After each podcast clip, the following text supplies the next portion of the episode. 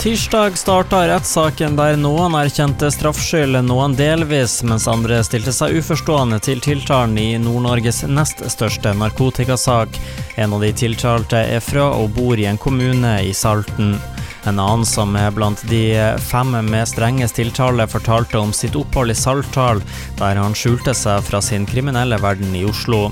Neste som forklarte seg, var hans kone som han gifta seg med i Midtøsten. Hun erkjente seg delvis skyldig, ifølge tiltalen. 26-åringen sto som ektemann tiltalt for befatning med 14 kilo amfetamin og 7,5 kilo hasj. Er bare gjort noe uaktsomt, forklarer hun. Og mer om det på an.no. Kavli har fått påvist bakterien Basilius cerusus i enkelte snackpack-produkter, og kaller derfor tilbake alle varianter av snackpack fra markedet. Det opplyser selskapet i ei pressemelding. Konsumering av produktet kan gi symptomer i mage og tarm. Forbrukere som har kjøpt de aktuelle produktene, bes om å kaste dem eller returnere produktene til butikken for refusjon. En rekke ungdommer fra Salten er nominert til Drømmestipendet 2020. Drømmestipendet er et samarbeid mellom Norsk kulturråd og Norsk Tipping, og består av 100 stipend på 15 000 kroner.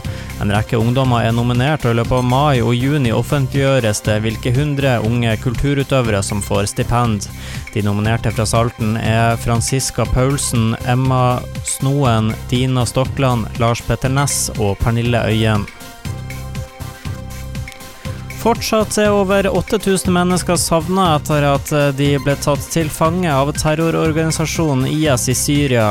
Human Rights Watch ber nå syriske og kurdiske myndigheter som har tatt over de tidligere IS-områdene om å etterforske saken. IS ble erklært beseira i Syria i mars i fjor. Og Nato må svare på Russland sin utvikling av nye missiler.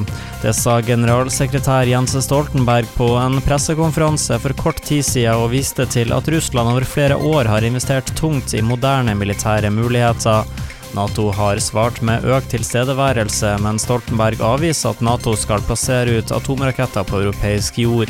Og det var siste nytt. I studio Benjamin Solås.